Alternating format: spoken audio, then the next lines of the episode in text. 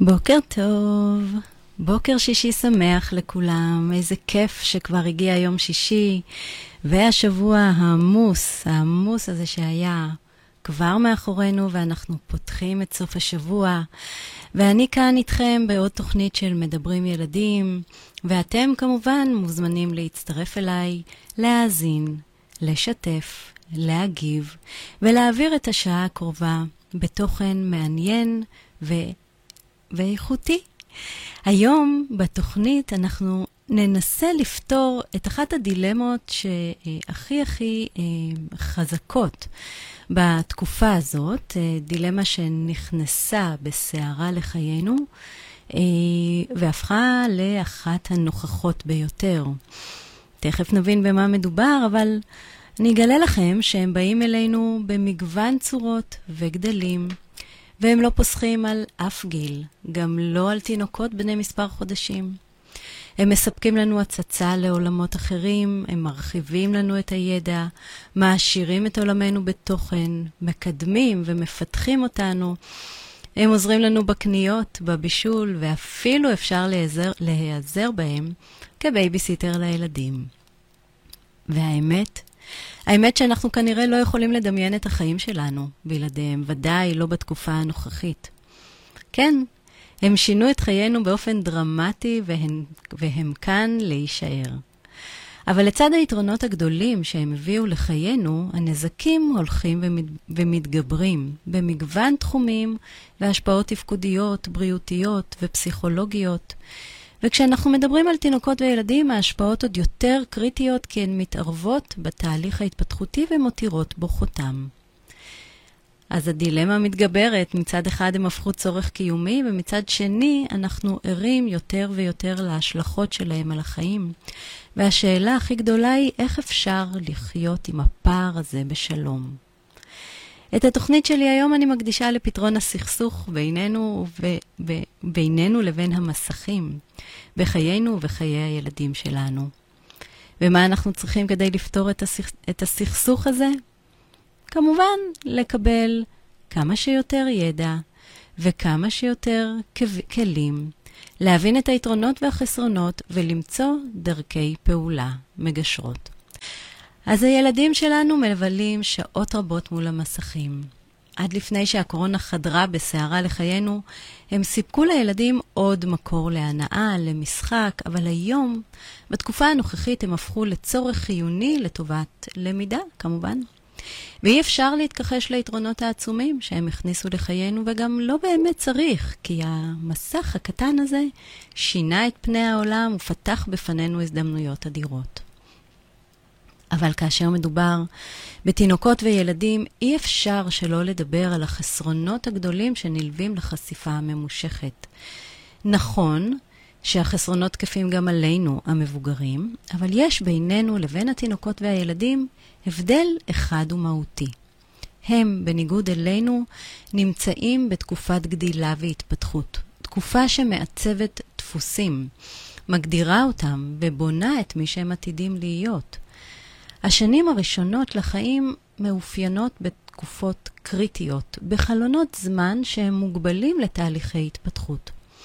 חלונות זמן שכשהם נפתחים, מתרחשת בהם למידה גדולה ומתרחשים שינויים מאוד מאוד גדולים.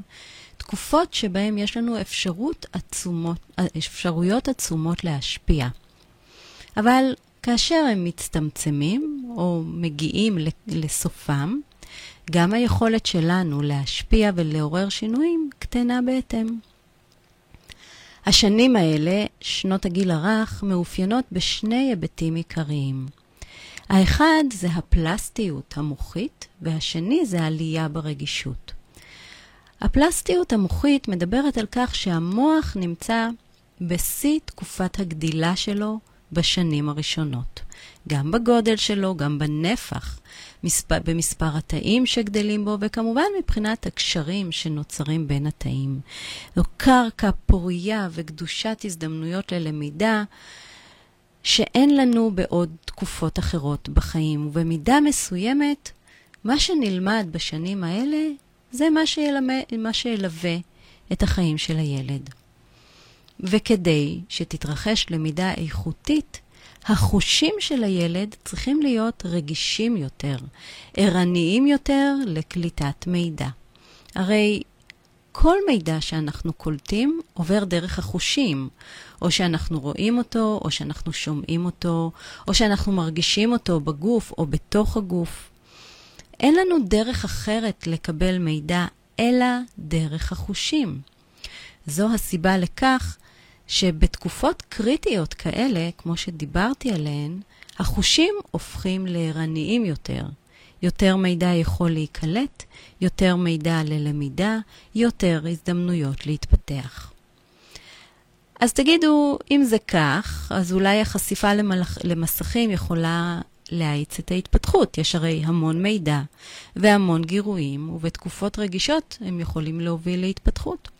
אבל התשובה היא למעשה הפוכה, כי הקשר בין מסכים להתפתחות הוא דווקא שלילי. זאת אומרת, מסכים פוגעים בתהליך ההתפתחות של תינוקות וילדים, ומה שנעשה בזמן הקרוב זה ננסה להבין לעומק למה, למה זה קורה ואיך זה קורה.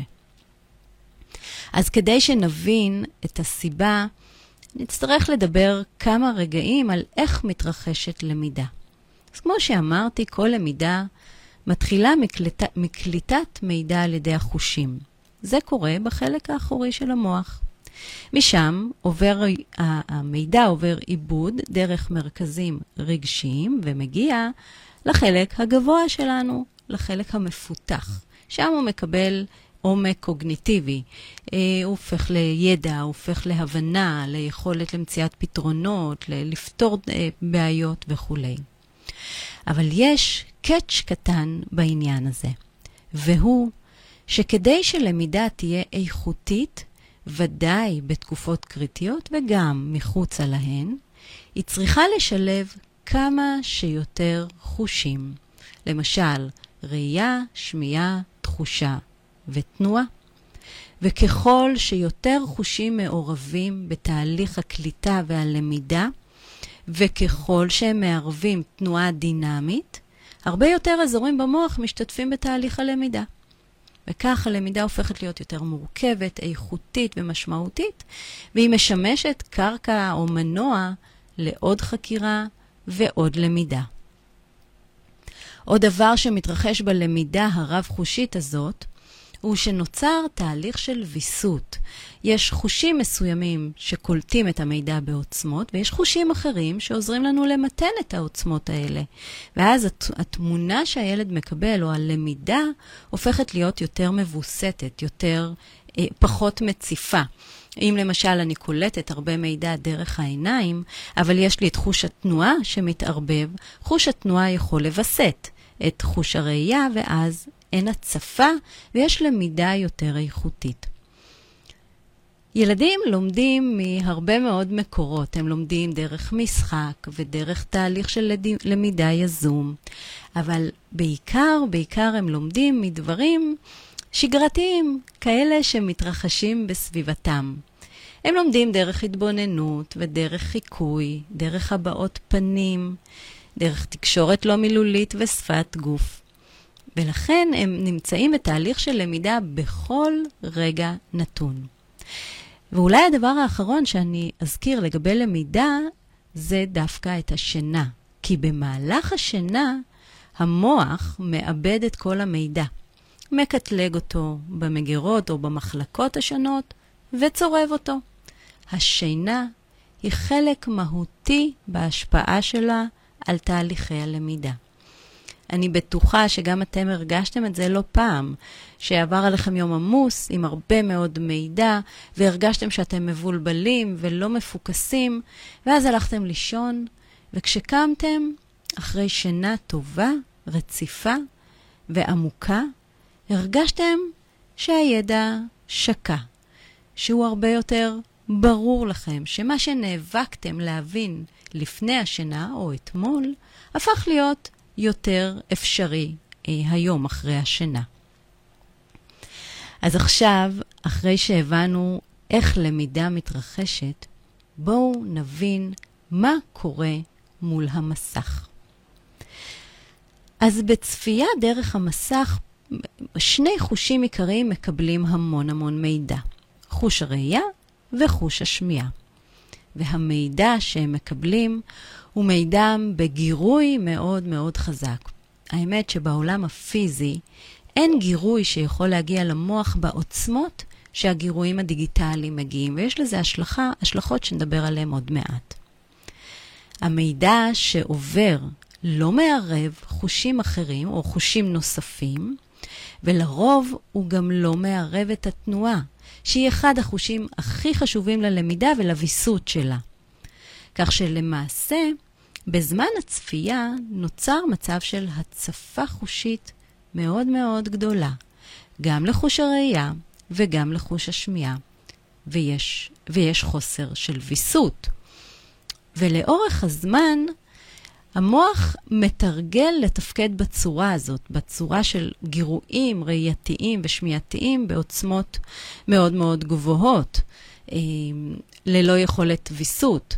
ו- ותוך כדי הדבר הזה, פחות חלקים במוח משתתפים בתהליך, במיוחד חלקים שמגייסים את הקשב או את הדמיון, וזה כמובן פוגע בתהליך ההתפתחותי של המוח, בריכוז, אה, ביכולת שלנו להיות שותפים פעילים בתהליך הלמידה, ותזכרו שאנחנו מדברים על תקופות קריטיות, על תקופות שאנחנו רוצים לנצל את המידע לטובת עוד מידע ועוד חקירה והשתתפות פעילה.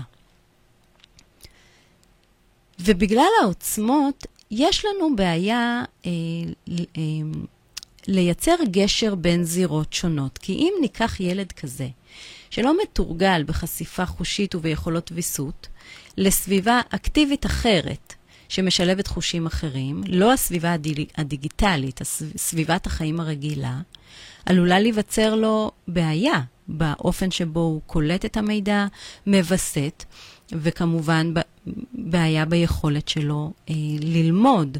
וזה זה אה, ישפיע על היכולת שלו להשתלב או להתמודד. מדובר בשתי זירות מאוד מאוד שונות, שלא מכינות את הילד האחת לשנייה אה, מבלי איזשהו תהליך שקורה ביניהם. וגם אמרנו שאחד החושים שהמוח מקבל בתהליך הלמידה הדיגיטלית הוא חוש הראייה, אחד החושים שמקבלים הכי הרבה מידע. זה קורה גם לנו אחרי הרבה שעות מול המחשב, ואז יש לנו איזשהו תהליך טבעי שאנחנו עושים. כשאנחנו מרגישים את העומס בעיניים, אנחנו ממצמצים יותר, עוצמים את העיניים, משנים את טווחי הראייה, מסתכלים קצת על האופק, יוצאים לשאוף, לשאוף אוויר, מסתכלים לצדדים, ועל הדרך, בלי לשים לב, אנחנו קצת מניעים את הצוואר, וקצת מניעים את הגב ואת הידיים, ועושים איזה שהן מתיחות. אבל מה קורה לילדים שלנו שהם נמצאים מול המסך הרבה שעות? תסתכלו עליהם, ותראו שהם כמעט לא זזים. אין כמעט תנועה בגוף שלהם, גם לא בעיניים. הם כמעט ולא ממצמצים. אין כמעט תנועה של הראש. התנועה של העיניים מוגבלת לגודל של המסך, ואם הם רואים במסך אה, קטן, אז התנועה עוד יותר מצומצמת, וככל שעובר הזמן, נוצרת פגיעה בראייה. העיניים שלהם מאבדות את הלחות כי הם פחות ממצמצים. נוצרת פגיעה ביכולת של המיקוד בראייה.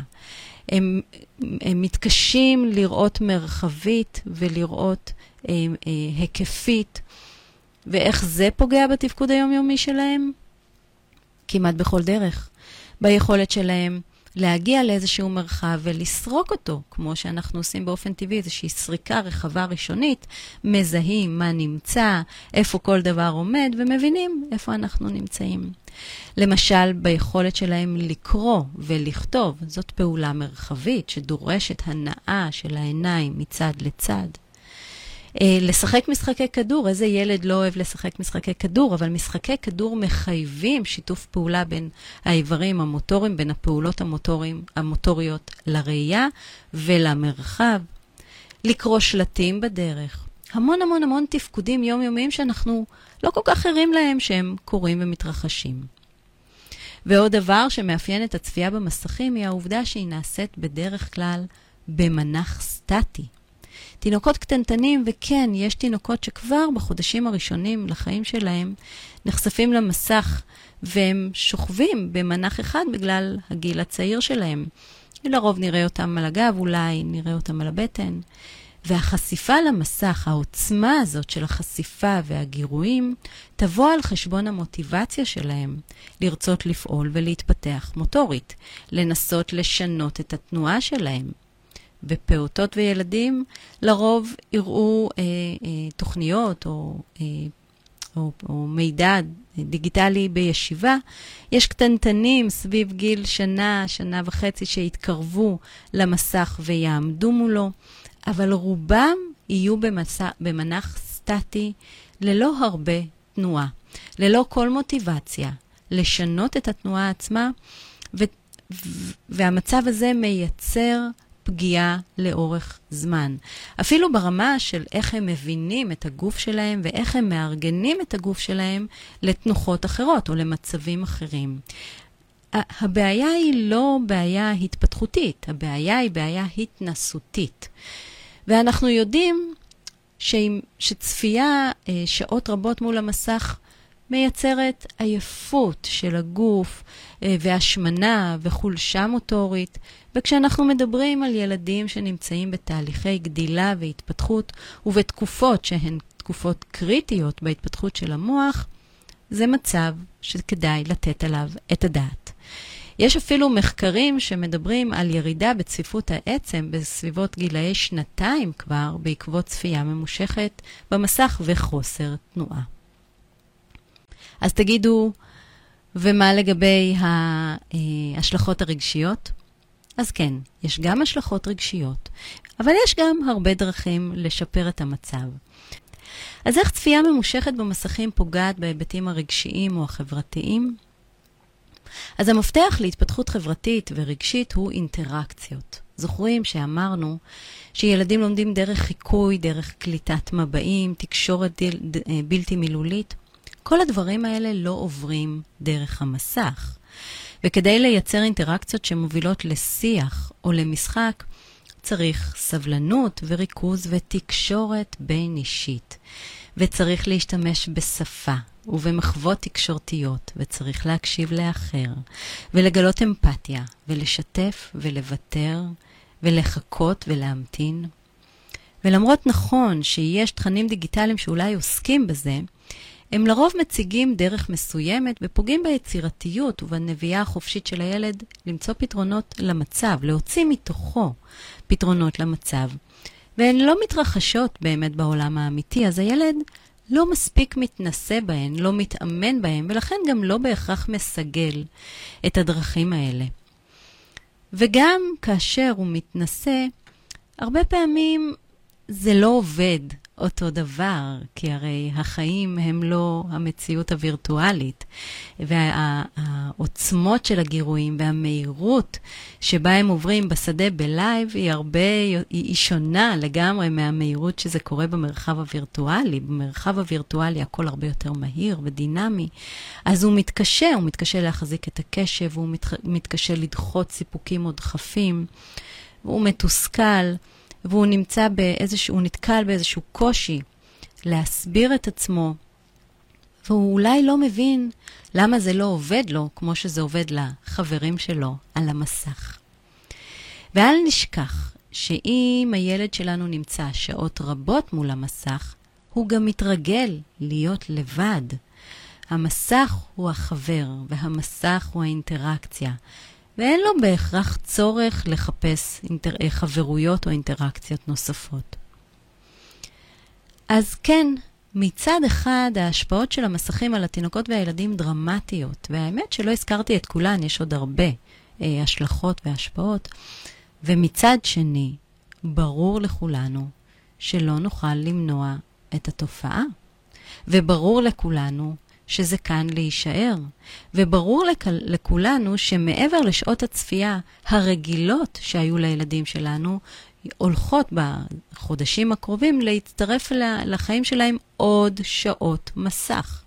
אז מה עושים? איך מגשרים על הפער הזה? אז יש לזה שתי תשובות. האחת היא מה עושים תוך כדי זמן החשיפה למסך, והשנייה היא מה עושים בין לבין, בין זמני החשיפה. איך אפשר גם ליצור שינוי, גם לצמצם את ההשפעות של המסכים וגם ליהנות ממה שהם יכולים לתת לנו? אז התשובה הראשונה היא מינון. מינון זמני החשיפה, אני בטוחה ששמעתם את זה ואני לא מחדשת לכם שום דבר, אני רק אתן כמה כלים ליישם את זה בפועל. בואו נגיד שאת היישום בפועל אנחנו אה, נגבש לפי גילאים. תינוקות ופעוטות עד גיל שנתיים רצוי בכלל לא לחשוף.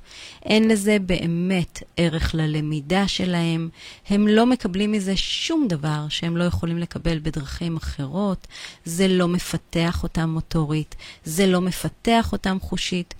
אין לצורך מה לחשוף אותם. אפשר לחשוף למוזיקה, זה כן, אבל אין צורך לחשוף למסך. ונכון, בתקופת הסגר, שאני מקווה שהיא מאחורינו, אה, אבל אולי תהיה גם לפנינו עוד תקופה כזאת, אז חלק מהילדים, במיוחד סביב גיל שנה, שנתיים, נחשפים למסך דרך הגן, דרך פעילויות שהגננות עושות, זה בסדר גמור. זאת אינטראקציה, אבל גם לה יש כלים ויש קצת חוקים, ותכף אני אדבר עליהם.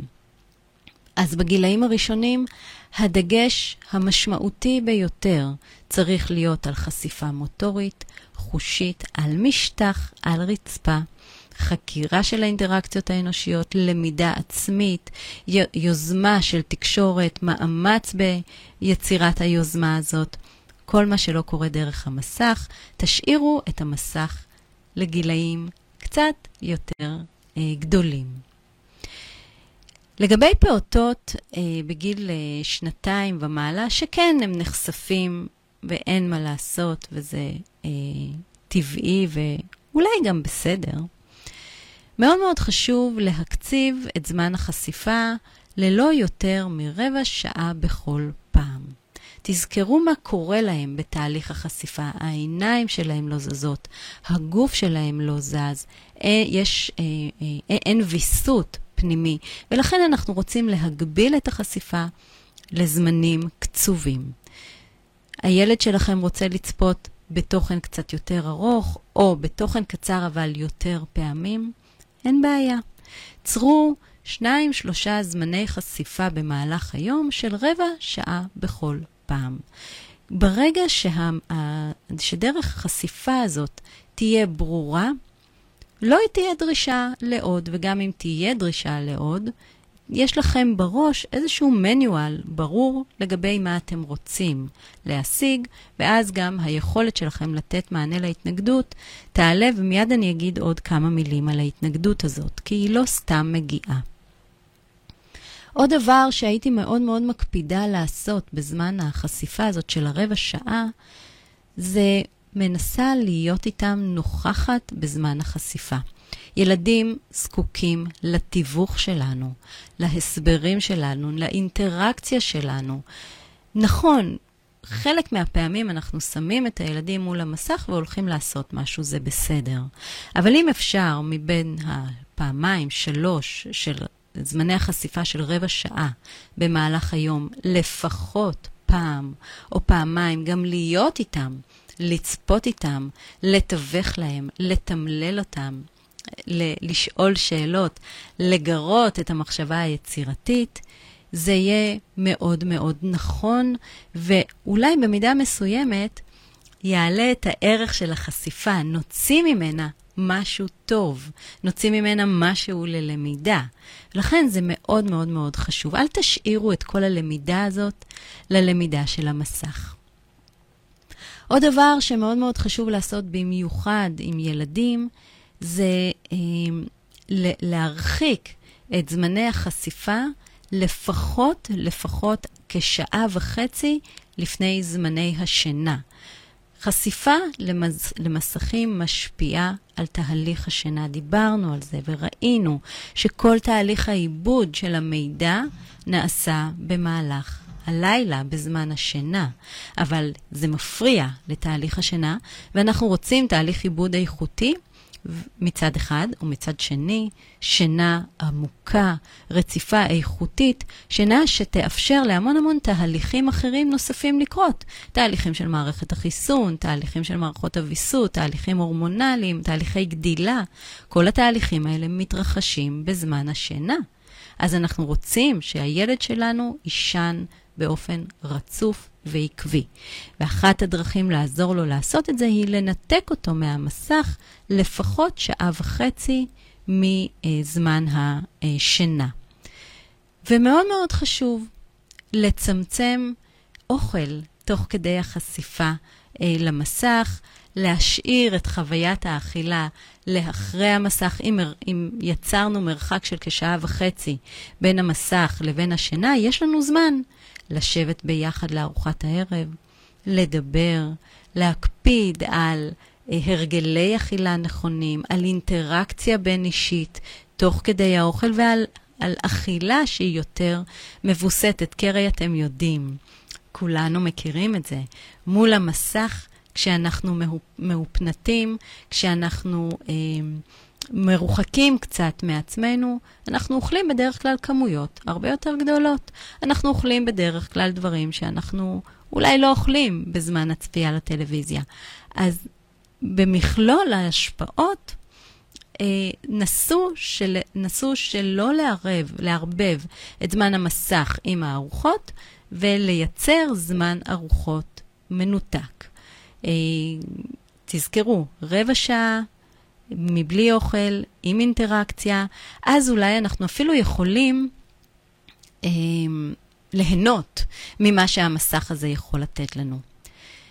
ושימו לב, אם הילדים שלכם רגילים לזמני חשיפה ארוכים, סביר להניח שהשינוי הזה יהיה מלווה בהתנגדויות, זה הרי ברור, לא? הם אוהבים את המסך. ואנחנו רוצים לצמצם להם או לקחת להם משהו שהם מאוד מאוד מורגלים ומותנים בו, וברור שתהיה התנגדות. אבל ההתנגדות היא לא רק בגלל זה. להתנגדות יש עוד סיבה, והיא שלצפייה במסך יש מאפיינים התמכרותיים.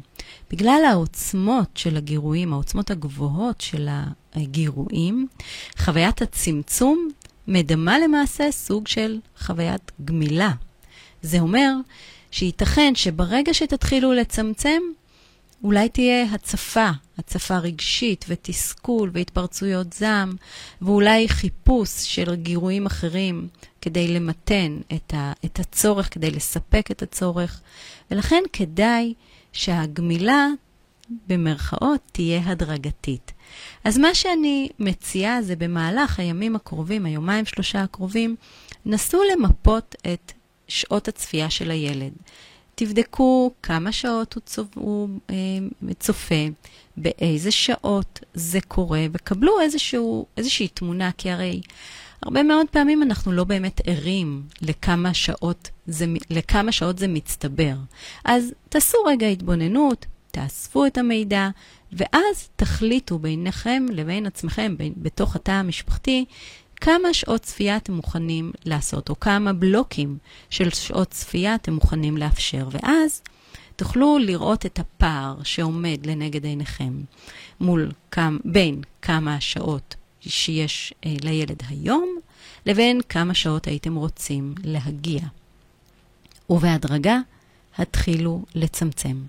עם זמני הצפייה הארוכים, תתחילו לצמצם חמש דקות בכל פעם, שבע דקות, עשר דקות, ובהדרגה תתחילו לעלות. לאט, לאט, לאט, אה, להעלות את ה... אה, להקטין למעשה את אה, שעת הצפייה, וכך, לאט ובהדרגה, הילד יתרגל אה, לשינויים. אז כל השיחה שלנו עכשיו התייחסה למה שאפשר לעשות בזמן החשיפה. אבל מה לגבי בין זמני החשיפות? הזמנים שבין הצפיות הם זמנים שמאוד מאוד חשוב לייחד או להקדיש לפעילות מוטורית. לטיול בחוץ, לשהייה במגרשי המשחקים, למשחק, בין אם מדובר במשחק קופסה או במשחק מוטורי. ויש פה שני היבטים עיקריים. האחד, ההיבט ההתפתחותי, והשני, ההיבט של הוצאת אנרגיה, של פריקת הסטרס. למה התפתחות? דיברנו על זה כי כמו שכבר אמרנו, ההתפתחות והלמידה מתרחשים תוך כדי תנועה, תוך כדי שילוב של חושים נוספים וביניהם תנועה. ולכן, כאשר נספק לילדים הזדמנויות רבות ללמידה אחרות מחוץ לשעות המסך, נצמצם בהכרח את ההשפעה המצטברת של המסכים. בזמן הזה שהילדים משחקים, מתפתחת המוטוריקה הגסה, המוטוריקה העדינה, התאומים בין העין ליד, בין היד לרגל, בין העין לפה, ב, סליחה, בין היד לפה וכולי. מתפתחים, מתפתחות מיומנויות פסיכומוטוריות, מיומנויות שאני קוראת להן מיומנויות של איכות חיים, כמו למשל מהירות התגובה והזריזות ושיווי המשקל וויסות הכוח והקורדינציה. והמיומנויות האלה בסופו של דבר הן אלה שמאפשרות לנו לנהל את עצמנו טוב יותר במרחב. הן מלמדות אותנו יחסי גומלין ושליטה טובה. הן גם מחברות אותנו לחוויות הצלחה ולהנאה, כי בואו ניקח לדוגמה משחק כדורגל. אם אני רוצה שהכדור ייכנס לשער, אני צריכה לחשב פחות או יותר, או להבין, להעריך, באיזה זווית אני רוצה לבעוט את הכדור, באיזה עוצמה אני צריכה לבעוט בו כדי שייכנס לשער, באיזה מהירות אני צריכה לעשות את זה כדי שמישהו אחר לא אה, אה, יבעוט לי, יבעט לי, סליחה, יחטוף לי את הכדור, וכמובן שאני צריכה בסוף בסוף לתאם בין העין לרגל. זו, אלה פעולות פסיכומוטוריות, וכשאני מצליחה לעשות והכדור נכנס לשער, איזו חוויית הצלחה והנאה זאת. אז לצד השהייה במשחקים, במסכים, שמקבעת או מצמצמת את ההתפתחות של המיומנויות האלה, כי אין שם שום פעולה מרחבית, כדאי שנשקיע בין הצפיות בפעילות הזאת. והמימד השני הוא המימד של פריקת אנרגיה. היום שלנו מנוהל בגוף על ידי הפרשת הורמונים, ויש לנו שיווי משקל בין הורמונים מעוררים לכאלה שמייצרים שקט ומנוחה. וכך, במהלך היום, כאשר מצטברת עוררות גבוהה או סטרס, אנחנו עושים כל מיני פעולות כדי לפרוק אותה וכדי לווסת את עצמנו ולהוביל אותנו להרגעה. אבל כשהילד נמצא שעות רבות מול המסך, האנרגיה מצטברת. הסטרס הפנימי עולה ולא נפרק. ואז שהוא כבר לא יכול להכיל אותו, הוא פורק אותו בצורה שלפעמים היא לא מידתית או לא קשורה לסיטואציה. פתאום אנחנו חווים איזה התקף זעם, או תסכול, או קושי בהירדמות, או אכילה לא מבוקרת, או אה, פרץ אנרגיה לא מבוסת. לכאורה זה לא קשור לשום דבר, כי הרי רגע לפני הוא היה מול המסך והוא היה רגוע, אבל זה בדיוק העניין. מאחר ולא יצרנו הזדמנויות לפרוק את האנרגיה, איכשהו צריך לפרוק אותן. לא, האנרגיה הזאת לא יכולה להישאר בגוף מבלי שנגיע למצב שאנחנו מפילים אותה ומאפשרים קצת נשימה בתוך המקום הזה. אז אם נזמן לילד הזדמנויות בלתי תלויות שלא דרך המסך, לפרוק את האנרגיה במשך היום, הסטרס לא יצטבר.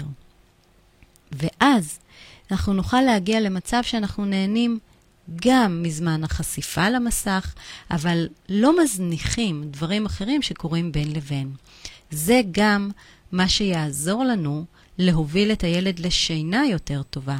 כי אמרנו, אני מזכירה, שאם אנחנו מקדמים או מרחיקים את זמני המסך עד כשעה וחצי לפני השינה, יש לנו בזמן הזה הזדמנות גם לעשות קצת פעולות של פריקה, גם לעשות פעולות של הרגעה, גם לאכול ולעשות פעולות של אינטראקציה בין אישית, ואז הילד שלנו מגיע מוכן לתוך השינה. שימו לב שגם אנחנו, לא, לא לרוב, לא מגיעים לשינה בשנייה. זאת אומרת, נדרש לגוף איזשהו תהליך של הסתגלות מהפעילות של היום לתוך השינה. אז אנחנו מגיעים הביתה, ומתחילים להוריד הילוך, ואוכלים, ואולי מתקלחים, ויושבים קצת מול הטלוויזיה, ובהדרגה הגוף מוריד ומוריד ומוריד הילוך. גם מערכת, המערכת ההורמונלית משתתפת בזה, גם מערכת העצבים, המתח השרירי שלנו יורד. העדות הכי מדהימה לזה היא התחושה הזאת שאנחנו נפרדים מההחזקה של הגוף שהייתה כל היום, והעפעפיים שלנו מתחילות לנקר, ויש לנו מין תנועות כאלה לא רצוניות בגוף. הטונוס, הטונוס פשוט יורד. וכדי ש... ואז יש לנו אפשרות להיכנס לשינה בצורה טובה. אבל אם אנחנו לא נאפשר את התהליך הזה לילדים, יהיה להם מאוד מאוד קשה להגיע למצב של שינה טובה. ילדים נכנסים למצב של עייפות יתר בצורה מאוד מהירה.